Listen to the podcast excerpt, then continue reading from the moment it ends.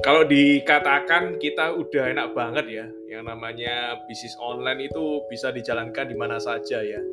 Jadi pertama kali saya ingat ya, pertama kali saya ingat orang profesi ini itu disebut digital digital nomad teman-teman ya, digital nomad ya.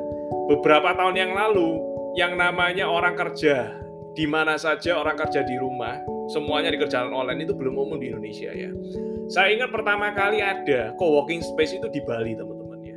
Dan istilah digital nomad itu adalah orang-orang Bali. Jadi orang bule, jadi orang-orang bule, orang-orang yang tinggal di Bali tapi kerjanya itu tetap di ini di luar negeri ya. Jadi dia bisa bekerja dengan hanya laptop saja, teman-teman. Itu disebut digital nomad ya. Dan digital nomad itu sekarang udah umum ya.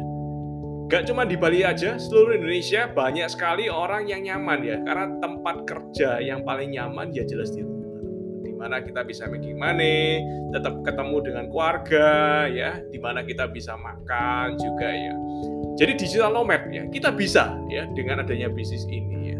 Dan yang menarik adalah dengan kita digital nomad, kalau dibilang income ya, jangan tanya teman-teman ya. Bukan berarti ketika kita kerja di rumah saja, income-nya juga ini juga begitu-begitu saja, no ya. Saya melihat banyak ya, termasuk diri saya sendiri, kalau kita ngomong puluhan juta tiap bulan atau bahkan ratusan juta tiap bulan itu bukan hal yang mustahil teman-teman ya. Dengan bisnis online semuanya terjadi semuanya bisa teman-teman. Termasuk saya ya termasuk saya.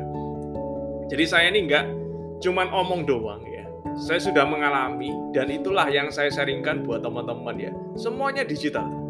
Kita jadi enak ya kak perlu stay di tempat tertentu ya bahkan pasangan saya kapan hari bilang ya kalau misalnya sudah melahirkan, pengennya tinggal di Bali saja ya. Kebetulan saya ada villa di Bali, jadi udah lengkap, udah enak ya. Tinggal bawa juga, mbaknya juga dibawa ke sana ya. Jadi enak teman-teman beberapa bulan di sana. Ya. Kenapa? Karena kerjanya full online, kerjanya full digital teman-teman. Hal seperti itulah juga bisa terjadi di teman-teman ya.